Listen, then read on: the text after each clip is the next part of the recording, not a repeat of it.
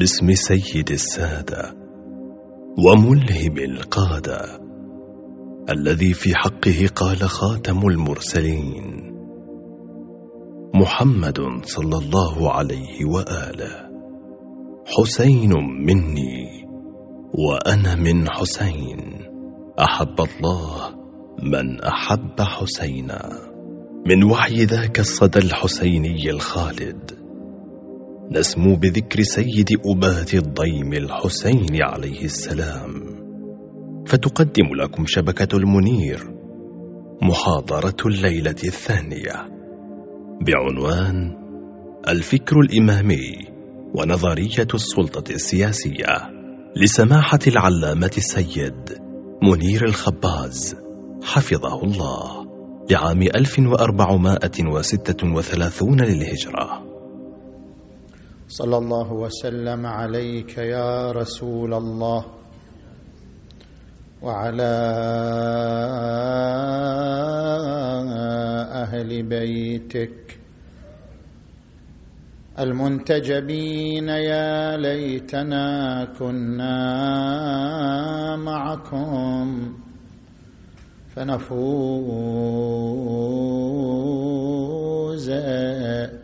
فوزا عظيما. أعوذ بالله من الشيطان الغوي الرجيم. بسم الله الرحمن الرحيم. إن الله يأمركم أن تؤدوا الأمانات إلى أهلها. وإذا حكمتم بين الناس أن تحكموا بالعدل. آمنا بالله صدق الله العلي العظيم.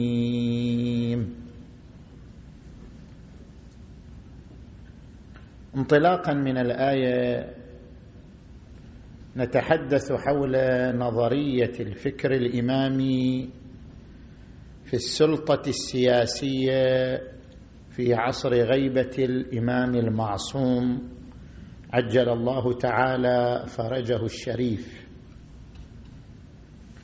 هناك فرق بين عنوان الحكومة وعنوان الدولة. فبحسب المصطلح القانوني عنوان الحكومة هو عبارة عن القيادة المتمثلة في مجموعة من الأفراد يحملون على عواتقهم أعباء مسؤولية إدارة شؤون البلاد. وأما الدولة فهي المؤسسة الاعتبارية التي تضم عدة مرافق. المرافق الصحية المرافق التعليمية المرافق البلدية المرافق الشرطة. فهناك فرق بين عنوان الحكومة وعنوان الدولة. ونحن نبحث فعلا عن عنوان الحكومة. ما هو رأي الفكر الإمامي في الحكومة وفي السلطة السياسية في عصر غيبة الإمام. قبل أن ندخل إلى هذا البحث لا بد أن نتحدث عن المنطلق لفكرة النظام. ما هو المنطلق وما هي البذرة التي انطلق منها لتأسيس نظام؟ لتأسيس سلطة. عندما نراجع كتب القانون كتب علم الاجتماع وحتى عندما نراجع كتب الفقه الإسلامي نجد أن المنطلق لفكرة وجود سلطة ارتكز على مفردتين. المفرده الأولى حكم العقل بلزوم حفظ النظام. والمفرده الثانية حكم العقل بضرورة إقامة العدالة. وكلا هاتين المفردتين من أحكام العقل البشري فهي أحكام فطرية بديهية لا خلاف فيها. نجي إلى المفردة الأولى. العقل البشري الفطري لو رجعنا إليه مع غض النظر عن وجود دليل من القرآن أو دليل من السنة. إذا رجعنا للعقل الفطري وجدناه يحكم بضرورة حفظ النظام. والمقصود بحفظ النظام شنو؟ يعني حفظ الأنفس حفظ الأعراض حفظ الأموال العامة والخاصة. لابد من وجود سلطة تتحمل حماية الممتلكات حماية الأعراض حماية الأنفس حماية المصالح العامة والخاصة. هذه الضرورة يحكم بها العقل الفطري بلا حاجة إلى دليل وإلا لو لم تكن هناك سلطة تحمي النظام لانهار المجتمع. وطغى بعضه على البعض الآخر. وهذه المفردة أشار إليها القرآن الكريم في قوله عز وجل ومن الناس من يعجبك قوله في الحياة الدنيا ويشهد الله على ما في قلبه وهو ألد الخصام وإذا تولى سعى في الأرض ليفسد فيها ويهلك الحرث والنسل والله لا يحب الفساد. الفساد يعني اختلال النظام الاجتماعي. المفرده الثانية ضرورة إقامة العدالة. لا بد من وجود سلطة تحمل على عاتقها تطبيق العدالة. العدالة هي إعطاء ذي الحق حقه. فتوفير الحقوق والجمع بين الحقوق العامة والحقوق الخاصة لا بد لها من سلطة تقوم بتطبيقها وحمايتها. من هنا أيضا أشار القرآن الكريم إلى هذه المفردة الثانية بقوله إن الله يأمركم أن تؤدوا الأمانات إلى أهلها وإذا حكمتم بين الناس أن تحكموا بالعدل. اذا انطلاقا من قاعدتين عقليتين وهما ضرورة حفظ النظام ضرورة إقامة العدالة. من هاتين القاعدتين انطلقت فكرة السلطة. لا بد من وجود سلطة تحمل نظام وتطبق العدالة. هذا هو المنطلق لوجود سلطة. عندما نجي مثلا إلى جان لوك جان لوك يعتبر الأب الروحي إلى الديمقراطية الليبرالية الحديثة. جان لوك يقول الهدف من وجود السلطة ثلاثة أمور. اولا حماية الأفراد وحرياتهم وممتلكاتهم وهذا يقتضي وجود سلطة تشريعية تسن قوانين لحماية الناس وحماية أموالهم وحرياتهم. الهدف الثاني رفع التداخل والتعارض بين المصالح المتشابكة والمتداخلة وهذا يقتضي وجود سلطة قضائية. الهدف الثالث الضمان لتطبيق الحقوق وتفعيلها. وهذا يقتضي وجود شنو؟ وجود سلطة تنفيذية. اذا السلطة في أي مجتمع بشري ترتكز على ثلاث سلطات سلطة تشريعية تسن القانون سلطة قضائية تفض الخصومات سلطة تنفيذية. هي الضمان. لحماية الناس وحرياتهم وممتلكاتهم. فبما أن السلطة السياسية تعتمد على ركنين الركن الأول قانون بدون قانون ما يصير سلطة. الركن الثاني أدوات للتنفيذ والتفعيل. بما أن السلطة والحكومة تعتمد على ركنين مادة قانونية تنطلق منها سلطة تنفيذيه تقوم بتطبيقها. لذلك نحن نبحث الآن في محورين. المحور الأول مصادر المادة القانونية التي تعتمد عليها السلطة السياسية. والمحور الثاني حقيقة السلطة التنفيذية في عصر غيبة الإمام المعصوم عجل الله تعالى فرجه الشريف. نجي إلى المحور الأول. هل يمكن وجود دولة بدون قانون؟ ما يمكن. لابد من وجود دستور. يعني لابد من وجود مادة قانونية تستند إليها الدولة في جميع تفاصيلها وجميع دقائقها. المادة القانونية لابد منها. زين. لو قدر وجود دولة إسلامية لو افترضنا في دولة إسلامية. من أين تكتسب قوانينها؟ المادة القانونية للدولة الإسلامية ما هو مصدرها؟ هل مصدرها القوانين الوضعية كالقانون الفرنسي مثلا قانون المصري مثلا أو مصدرها السماء يعني الكتاب والسنة؟ ما هو مصدر المادة القانونية التي تعتمد عليها الدولة الإسلامية الحكومة الإسلامية في أي بلد في أي عصر في أي مجتمع؟ هنا اتفق علماء الشيعة أنه لو فرضنا وجود دولة إسلامية يجب أن يكون القانون اسلاميا قانون الوضع ما يصير.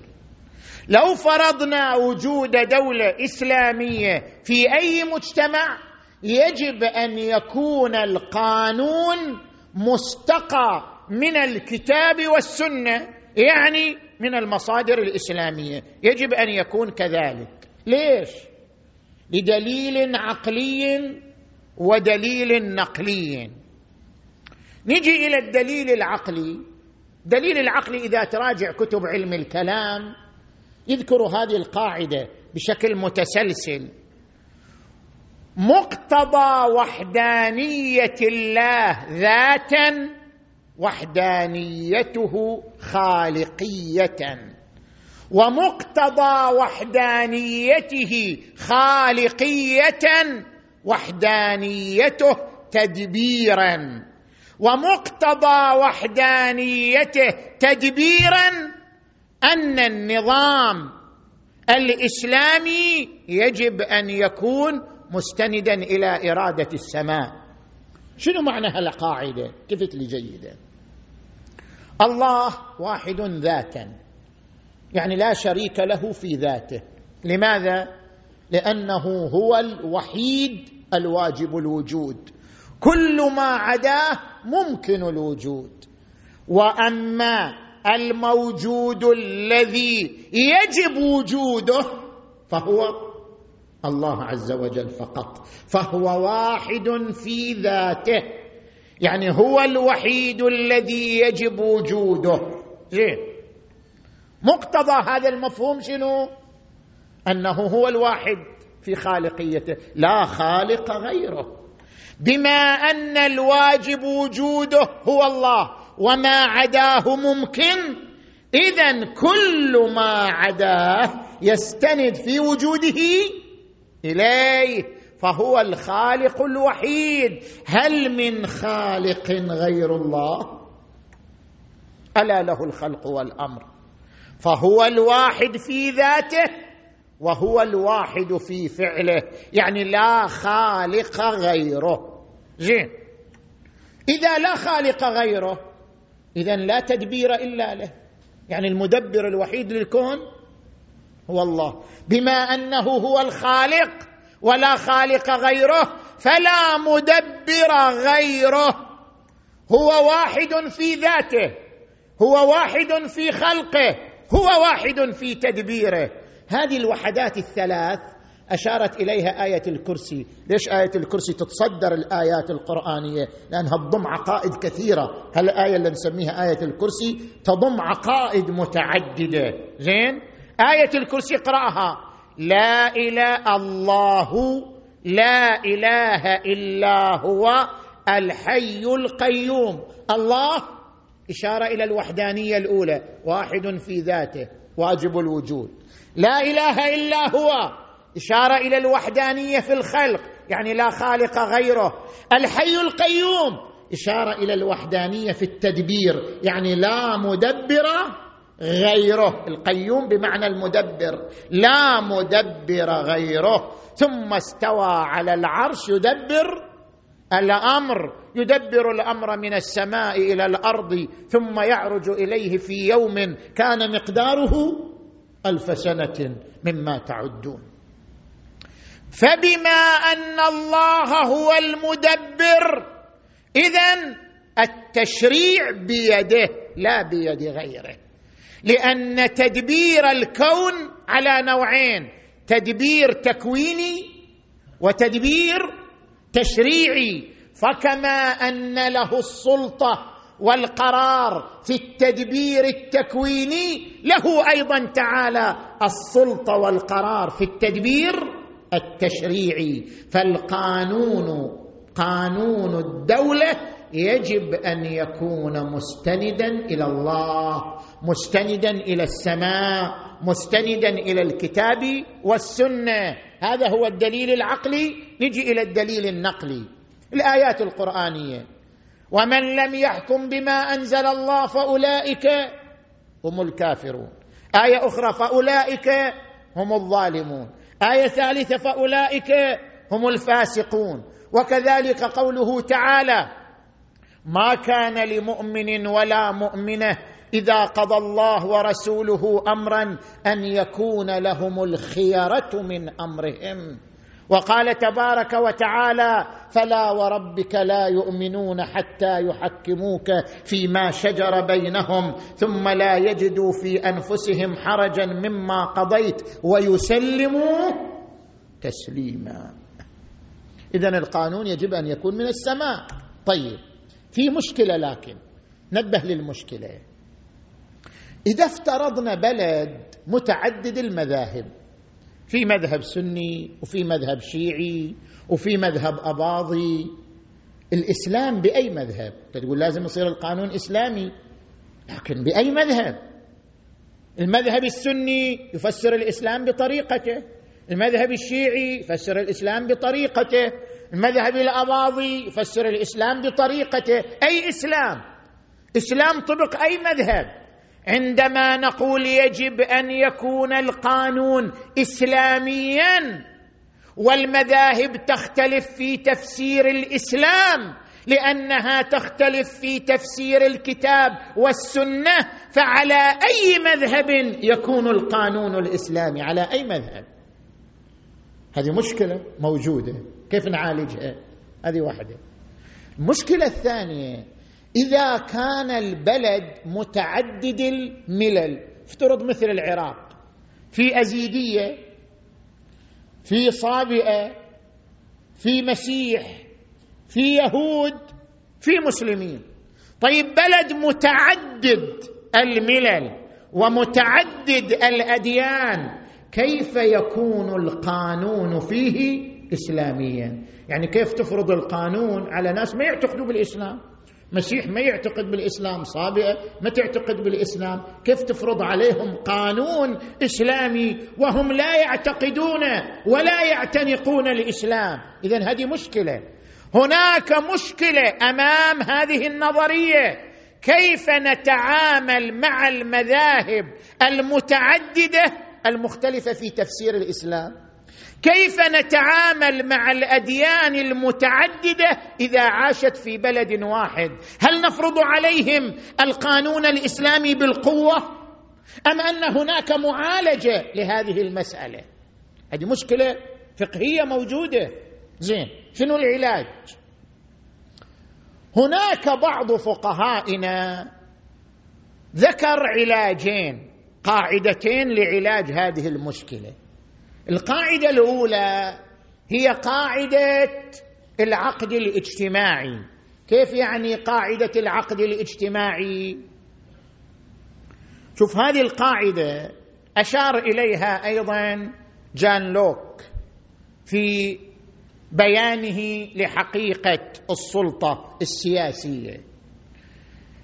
هذه القاعدة مرجعها أن يتفق المجتمع بكل أطيافه. ما هو في مذاهب متعددة ما هو في أديان متعددة. أن يتفق المجتمع بكل أطيافه على تحكيم نظام الأغلبية. الأغلبية هم اللي يحكموا. نظامهم هو اللي يحكم. دينهم هو اللي يحكم. البلد الذي فيه أغلبية مسلمة. خلاص الحاكم هو نظام الأغلبية المسلمة. اذا أن يتفق أبناء المجتمع الواحد على أن النظام الحاكم هو نظام الأغلبية النظام الذي تدين به الأغلبية. هذا عقد وهذا عقد شرعي. عقد شرعي نافذ بمقتضى قوله تعالى يا أيها الذين آمنوا أوفوا بالعقود. هذا عقد. بما أن هناك عقدا اجتماعيا بين كل المذاهب والطوائف على أن النظام الحاكم نظام الأغلبية اذا يجب الالتزام بهذا العقد. زين. هذا علاج الأول. العلاج الثاني في مسألة التفت جيدا في مسألة الأحوال الشخصية. هذه مذكورة في القانون. الأحوال الشخصية. شنو يعني الأحوال الشخصية؟ يعني الطلاق النكاح الميراث أحكام الأولاد الأوقاف هذه يسموها أحوال شخصية. في مسألة الأحوال الشخصية هناك استثناء. كيف هناك استثناء؟ يعني في النظام الإسلامي يجب أن تعطى مساحة لكل مذهب ولكل دين قضاء يخصه. الشيعة لهم قضاء يخصهم. السنة لهم قضاء يخصهم الصابئة لهم قضاء يخصهم المسيح لهم قضاء يخصهم. كل مذهب كل ملة لهم محكمة ولهم قضاء يخصهم في الأحوال الشخصية. الوقف الميراث الطلاق النكاح أحكام الأولاد قضاؤهم يخصهم. ليش؟ ليش هذا الاستثناء؟ ما نطبق مذهب واحد على كل المذاهب؟ ما نطبق دين واحد على كل الأديان؟ بل نقول لكل مذهب ولكل دين قضاء يخصه في قسم الأحوال الشخصية. لماذا؟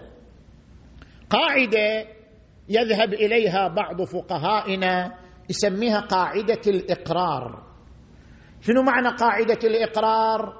يقول هناك قاعدة عقلائية كل العقلاء يؤمنون بها لأن أغلب المجتمعات العقلائية ترى فيها اختلاف حتى المجتمعات الغربية فيها اختلاف فيها مسلمين فيها مسيحيين فيها يهود أغلب المجتمعات البشرية فيها أديان متعددة زين؟ كيف يحلوا مشاكلهم إذن؟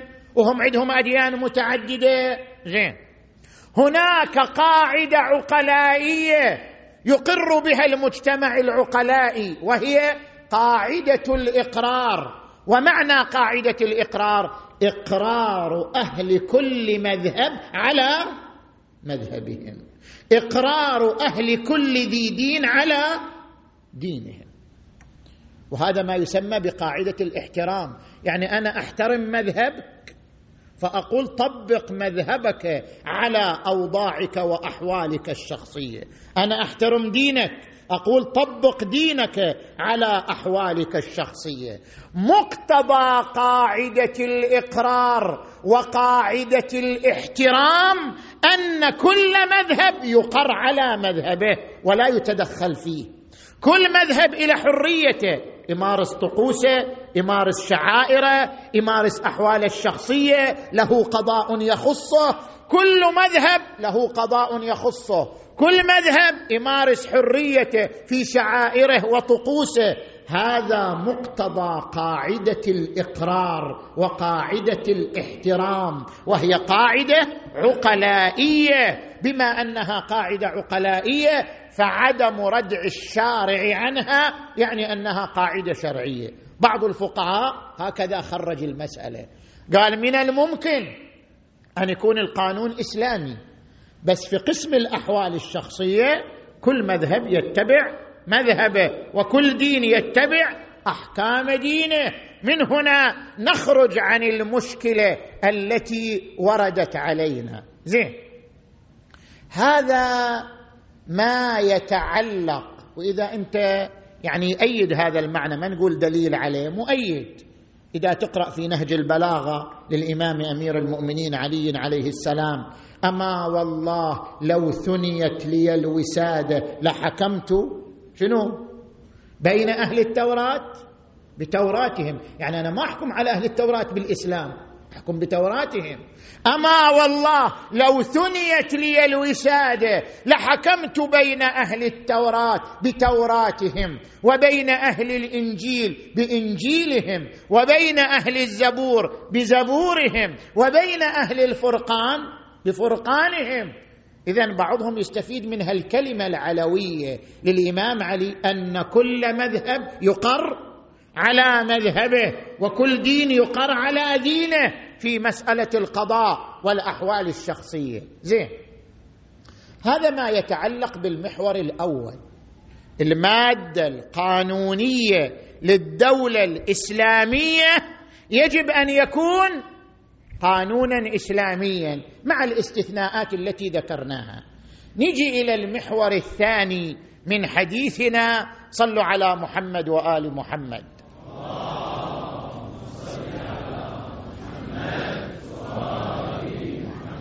ما هي السلطة السياسية؟ ما هي السلطة التنفيذية؟ طيب إحنا عندنا قانون بس اللي يطبق القانون من؟ لابد من وجود سلطة تنفيذية تطبق القانون.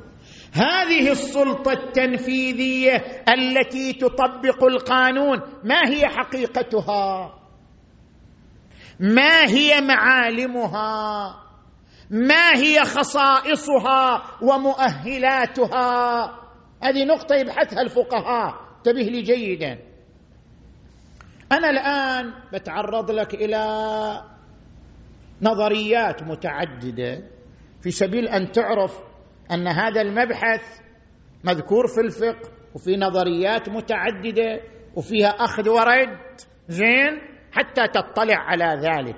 أنا مو بصدد الآن ترجيح نظرية على أخرى ولا يعني إثبات أحقية نظرية دون أخرى. أنا فقط أعرض النظريات المذكورة في الفقه في هذا المحور محور السلطة التنفيذية في عصر غيبة الإمام المعصوم عجل الله تعالى فرجه الشريف. طبعا من نجي لإخواننا أهل السنة شنو نظريتهم هم؟ هم نظريتهم الخلافة. يا ترى نظرية دينية ما أتكلم عن النظرية الوضعية النظريه الدينية لإخواننا أهل السنة هي الخلافة. ولذلك إذا ترجع إلى النووي في شرح صحيح مسلم النووي في شرح صحيح مسلم يقول أجمع العلماء على وجوب تنصيب خليفة للمسلمين. يعني هذه نظريتهم. نظريتهم لابد من وجود خليفة. خليفة يحكم المسلمين في كل مكان. خليفة واحد يحكم المسلمين في كل مكان ويجب على المسلمين بيعته هذه النظرية الموجودة ويستدل عليها علماء إخواننا أهل السنة بما ورد عن النبي صلى الله عليه وآله في صحيح مسلم من مات وليس في عنقه بيعة مات ميتة جاهلية لازم يبايع يعني يبايع من؟ يبايع الخليفة. إحنا الآن ما نريد نتعرض للنظرية ومناقشتها صحيحة مو صحيحة لأنه مو صددنا إحنا. إحنا في صدد نظرية الإمامية. ما هي نظرية الإمامية في السلطة السياسية في عصر الغيبه إحنا بصدد هذا المحور نركز عليه. عندنا عدة نظريات. النظرية الأولى قد تستغرب أنت من بعض النظريات بس موجودة في الفقه. النظرية الأولى لا شرعية لحكم في عصر الغيبة. موجودة النظرية. وما زال يؤمن بها بعض الفقهاء. أي حكم غير مشروع في عصر غيبة الإمام المعصوم؟ الحكم المشروع فقط للإمام المعصوم. بمجرد أن يفقد الإمام أو يغيب فليس هناك حكم مشروع في عصر غيبة الإمام المعصوم. يعني هذا صاحب النظرية يلغي المحورين. المحور الأول وهو ضرورة وجود قانون إسلامي والمحور الثاني وهو ضرورة وجود سلطة تنفيذية. يقول لك لا لا حكم في عصر غيبة الإمام المعصوم. زين هذه النظرية التي يراها بعض الفقهاء تستند إلى ماذا؟ لابد لها دليل شو مو عبث. زين. عندما نراجع كتاب وسائل الشيعة للحر العاملي الجزء الخامس عشر كتاب الجهاد باب ثلاثة عشر باب الخروج بالسيف قبل قيام القائم. هذا الباب انت ارجع إليه. شوف في هذا الباب عدة روايات يستفيد منها مجموعة من الفقهاء. أن الحكم غير مشروع في عصر غيبة الإمام. من هذه الروايات معتبرة أبي بصير عن الصادق عليه السلام كل راية ترفع قبل قيام القائم فصاحبها طاغوت يعبد من دون الله. يعني ممنوع أن ترفع أي راية ما في حكم. رواية ربعي عن أبي عبد الله عليه السلام يعني الصادق عليه السلام. يقول لا يخرج أحد منا يعني واحد من أهل البيت يطلع ويحكم. لا يخرج أحد منا قبل خروج قائمنا إلا كان مثله كمثل فرخ طار من وكره قبل أن يستوي جناحاه. فأخذه الصبيان فعبثوا به. اذا عندنا مجموعة من الفقهاء يقولوا هذه الروايات ظاهرها ليس للشيعة حكم في عصر الغيبه ليس للفقهاء حكم في عصر الغيبه الحكم يختص بالمعصوم ولا يشرع لغير المعصوم. هل هذه النظرية صحيحة؟ هل الروايات هذا معناها؟ بحث طويل في الفقه. أنا لا أدخل فيه. هل مفادها الحكم الارشادي أم الحكم المولوي؟ هل مفادها حرمة الخروج بعنوان القائم أو مفادها حرمة الخروج لكل أحد؟ هذا بحث مذكور في الفقه. زين. نجي إلى النظرية الثانية. النظرية الثانية نظرية ولاية الفقيه. طبعا الليلة ما بذكر أسماء. لا بعدين واحد يقول والله ذكر الامام الفلاني وما ذكر العالم الفلاني. تعرف ناس بعد تبغى سالفة تحكي فيها. وذكر المجتهد الفلاني وما ذكر المجتهد الفلاني. وهذا عنده تعصب وعنده تحيز. لا ما بذكر أسماء. أذكر النظريات بدون أسماء. النظريه الثانية نظرية ولاية الفقيه. نظرية ولاية الفقيه يقول لك لا المساله محددة مي ضايعه قانون لازم يصير إسلامي والسلطة التنفيذية يجب أن تكون بيد الفقيه. الفقيه العادل الجامع للشرائط خلاص ما في غموض. مسألة واضحة. النظام إسلامي والسلطة التنفيذية بيد الفقيه العادل الجامع للشرائط ليش؟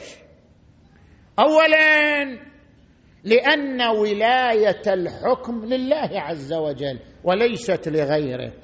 لاحظ قوله عز وجل إن الحكم إلا لله ألا له الخلق والأمر فإذا كانت ولاية الحكم لله اذا الله هو الذي يعين من هو الحاكم. كما أن الله هو الذي يعين دستور الحكم فإن الله هو الذي يعين من هي السلطة التنفيذية التي تقوم بالحكم. زين هل الله عين السلطة التنفيذية؟ يقول لك نعم الله عين. كيف عين؟ نرجع إلى الدليل الثاني.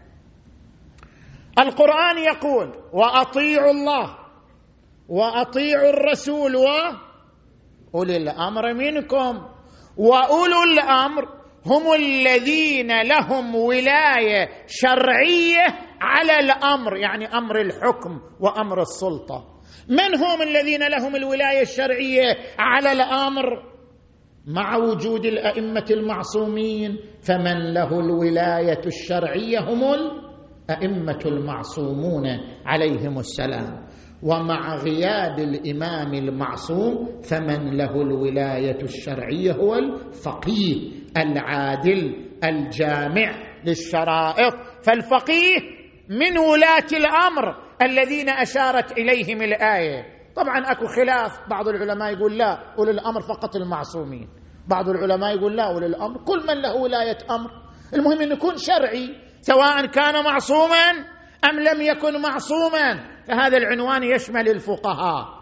عندنا رواية أخرى عن الإمام الحسين بن علي. مجاري الأمور بيد العلماء. أمناء الله على حلاله وحرامه. اذا هم السلطة التنفيذية. عندنا مقبولة عمر بن حنظلة. قال انظروا عن الإمام الصادق عليه السلام. انظروا ممن كان منكم ممن روى حديثنا ونظر في حلالنا وحرامنا وعرف أحكامنا فارضوا به حكما فإني قد جعلته عليكم حاكما. الإمام يقول أنا جعلت الفقيه حاكم روى حديثنا. ونظر في حلالنا وحرامنا وعرف أحكامنا يعني فقيه. الذي يعرف الأحكام بنفسه هو الفقيه. وعرف أحكامنا فإني قد جعلته عليكم حاكما. والحكومة بمعنى السلطة التنفيذية. اذا هذه الروايات ترشدنا إلى أن السلطة التنفيذية في عصر غيبة الإمام المعصوم عجل الله تعالى فرجه الشريف هي بيد الفقيه العادل الجامع للشرائط. هذه النظرية الثانية. النظريه الثالثة نظرية شورى الفقهاء. إيش معنى شورى الفقهاء؟ بعض العلماء يقول الولاية ليست لفقيه واحد. الولاية لمجموعة من الفقهاء وليست لفقيه واحد. بمعنى أن هناك مجلس يضم مجموعة من الفقهاء تصدر عنهم الأوامر والنواهي وهذا المجلس هو مصدر القرار وهذا المجلس هو مصدر الولاية. فلا ولاية لفقيه واحد وإنما الولاية لمجلس فقهائي يتكفل قرار الأمر والنهي. زين. صاحب هذه النظرية وهي نظرية شورى الفقهاء. يستند إلى ماذا مثلا؟ ربما يستند إلى المجموع بين النصوص. عندنا نص يقول في القرآن الكريم وأمرهم شورى بينهم. اذا مقتضى هذا النص أن الحكم شورى. لأن الله تعالى قال وأمرهم شورى بينهم.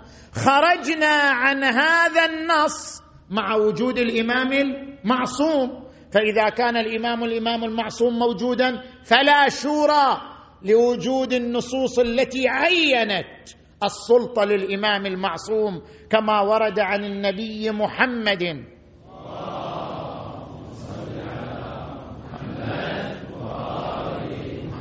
ألا فمن كنت مولاه فهذا علي مولاه. اللهم وآل من والاه وعاد من عاداه. وانصر من نصره واخذل من خذله. وأدر الحق معه أينما دار.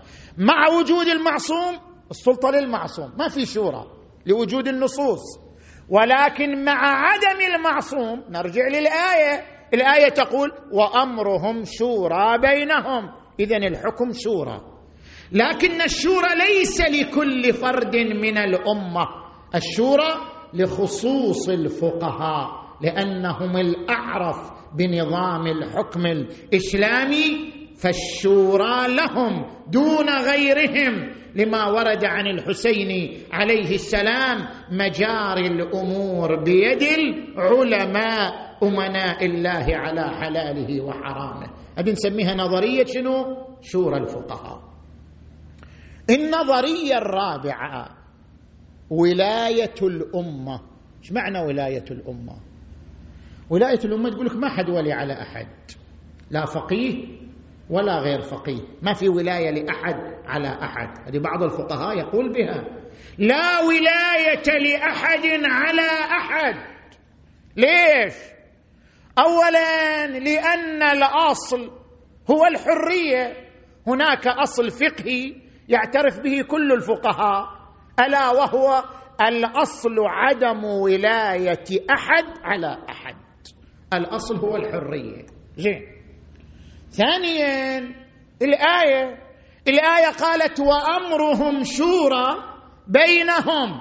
والآية تعني الأمة كلها لا تعني خصوص الفقهاء. يعني أنت من ترجع لسياق الآيات شوف هذه الآية تتكلم عن الأمة كلها مثلا.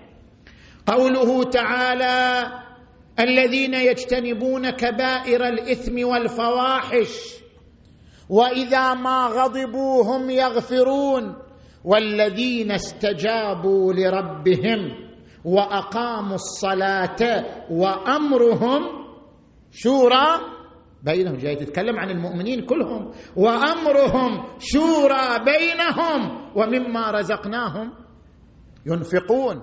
اذا ظاهر هذا السياق أن المؤمنين لهم الولاية على أنفسهم وليس لأحد ولاية عليهم لا فقيه ولا غيره.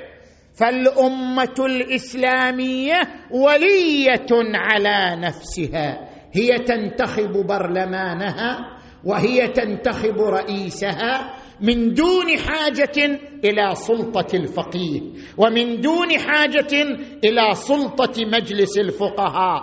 الأمة هي بنفسها ولية على نفسها من خلال صندوق الاقتراع. من خلال صناديق الاقتراع الأمة تنتخب البرلمان وتنتخب رئيس الدولة أو رئيس الجمهورية فهي ولية نفسها من دون سلطة لأحد عليها. هذه نظرية رابعة اسمها نظرية ولاية الأمة.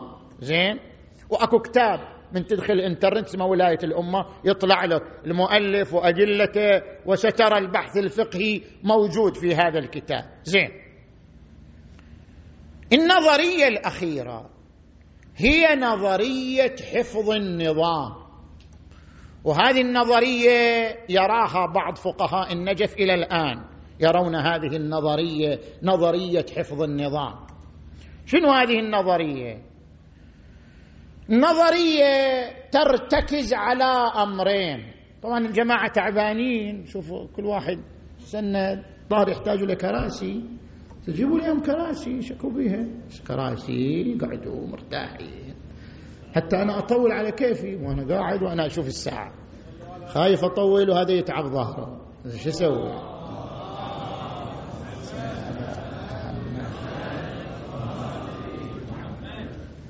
نظرية حفظ النظام ترتكز على ركنين. الركن الأول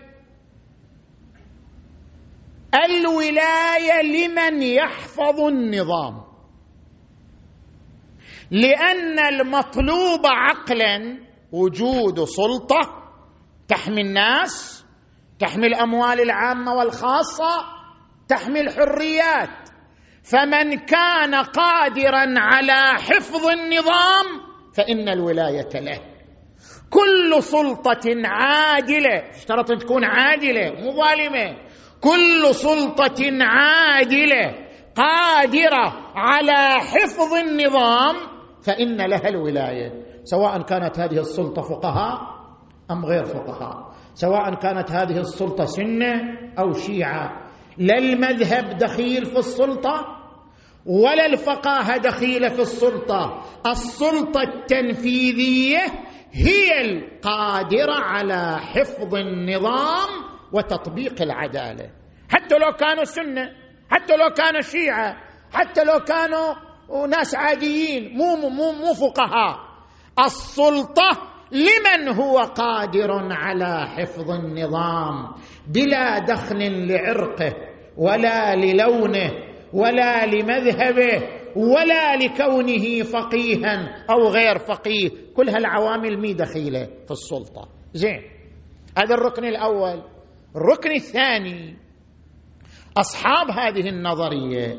يقول لك ما في نظام واحد. لا تقول كل العالم لازم يصير بالنظام الديمقراطي. ولا تقول كل العالم لازم يصير بنظام ولاية الفقيه. ولا تقول كل العالم لازم يصير بنظام شورى الفقهاء. لا.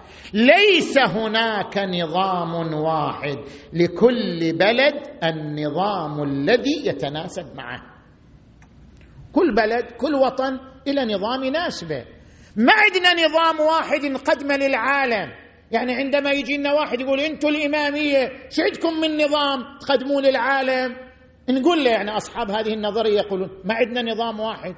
نحن نقول لكل مجتمع نظام يناسبه نظام ينسجم معه. وليس هناك سلطة واحدة وليس هناك منهج واحد للسلطة التنفيذية في جميع المجتمعات. أصحاب هؤلاء أصحاب هذه النظرية شنو دليلهم؟ يذكرون دليلين.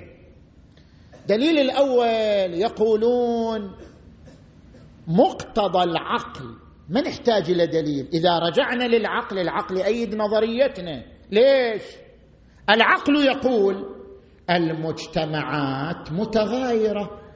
لكل مجتمع ثقافته الخاصة وأعرافه الخاصة وتقاليده الخاصة فبما أن المجتمعات مختلفة ثقافة واعرافا وتقاليد اذا مقتضى اختلاف المجتمعات اختلاف نظام السلطة. فلكل مجتمع نظام ينسجم مع ثقافته ينسجم مع أعرافه ينسجم مع تقاليده. ليس هناك نظام واحد ما دامت المجتمعات مختلفة في ثقافتها وفي قرارها اذا لا يوجد نظام واحد ينسجم مع كل المجتمعات. كل مجتمع له نظام ينسجم معه. المهم أن ينتخب نظاما يتكفل حفظ النظام وتطبيق العدالة. هذا الدليل الأول.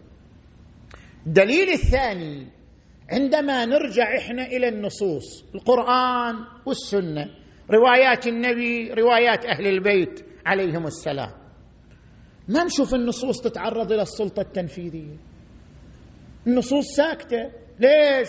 شوف النصوص تعرضت لأحكام الديات أحكام الحدود أحكام المعاملات أحكام العبادات تعرضت لكل التفاصيل إلا هذا القسم ما تعرضت إلى النصوص. من هي السلطة التنفيذية في عصر غيبة الإمام المعصوم؟ النصوص سكتت عن هذه الجهة ولم تتعرض لها. لماذا؟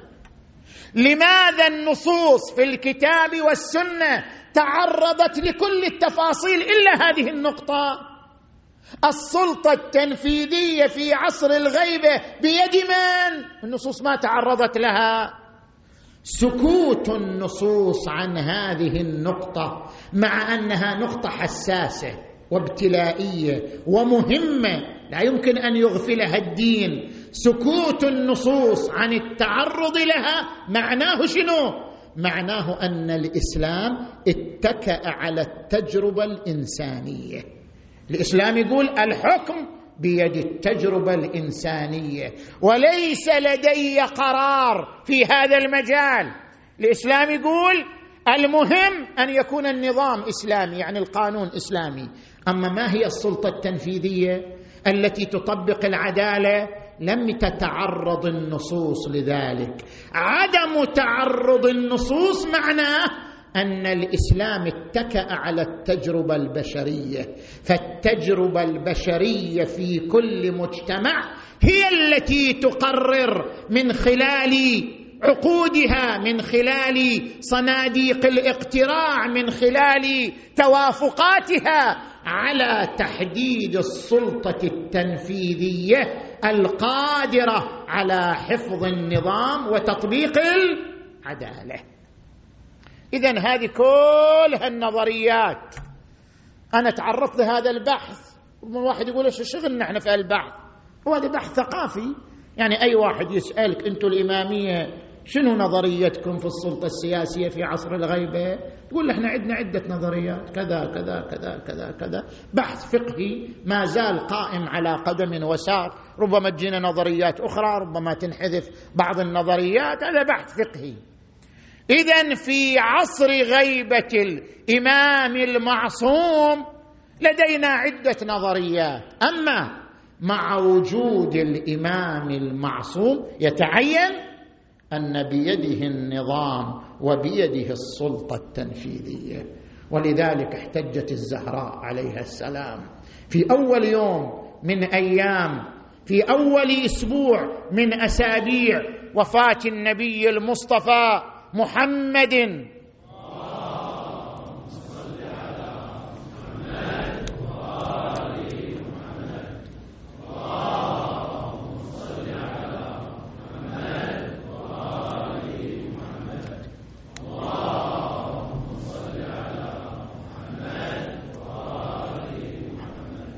قالت أنا زحزحوها عن رواس الرسالة. وقواعد النبوة والدلالة ومهبط الروح الأمين والطبن بأمور الدنيا والدين. ألا ذلك هو الخسران المبين؟ وماذا نقموا من أبي الحسن؟ نقموا منه والله نكير سيفه وقلة مبالاته بحتفه وشدة وطأته ونكال وقعته وتنمره في ذات الله. اذا الولاية للمعصوم وهذا ما أصر عليه الحسين بن علي. صلوات الله وسلامه عليه.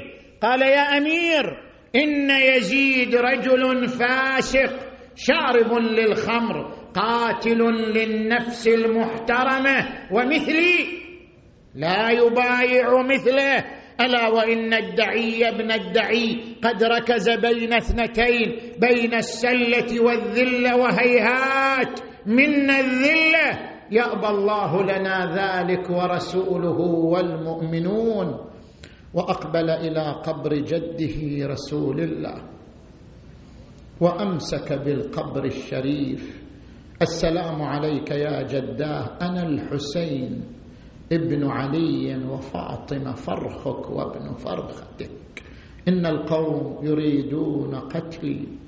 بعض الروايات تقول هومت عيناه فرأى جده رسول الله في كتيبة من الملائكة. فقال الحسين يا جد خذني معك من هذه الدنيا. لا أريد العودة إليها فإن القوم يريدون قتلي. قال بني حسين اصبر حتى تلقى جدك رسول الله. إن لك لدرجة في الجنة لا تنالها إلا بالشهادة. شيخ حسن الدمستاني يصور لنا هذا الموقف هذه الواقعة. ضمني عندك يا جداه في هذا الضريح علني يا جد من بلوى زماني. أستريح ضاق بي يا جد. من فرط الأسى كل فسيح. فعسى طود الأسى يندك بين الدكتين. وحسين وحسين وحسين و جد صاف العيش من بعدك بالأكدار شيب وأشاب الهم راسي قبل إبان المشيب فعلى من داخل القبر بكاء ونحيب ونداء بافتجاع يا حبيبي. وحسين وحسين وحسين أنت يا ريحانة القلب حقيقا بالبلاء. إنما الدنيا أعدت لبلاء النبلاء لكن الماضي قليل في الذي قد أقبلا فاتخذ درعين من حزم وصبر سابغ وحسين وحسين. بني يا حسين اسمعها ستذوق الموت ظلما ضاميا في كربلاء وستبقى في ثراها عافرا منجدلا. وكأني يا زهراء يعز عليك هذه الكلمات وكأني بلئيم الأصل شمر قد علا. صدرك الطاهرة بالسيف يحز الودجين وحسين وحسين. تقول له يا تقول له يا شمر بالله دي خلي دي خلي وما شافه من الطبرات يكفي. إيه والله دي شوف يلوج ما غيره. النفايا يا يا يا وعينه نوب يفتحها ويغمر. يا خايب خل أخوي حسين ساعة.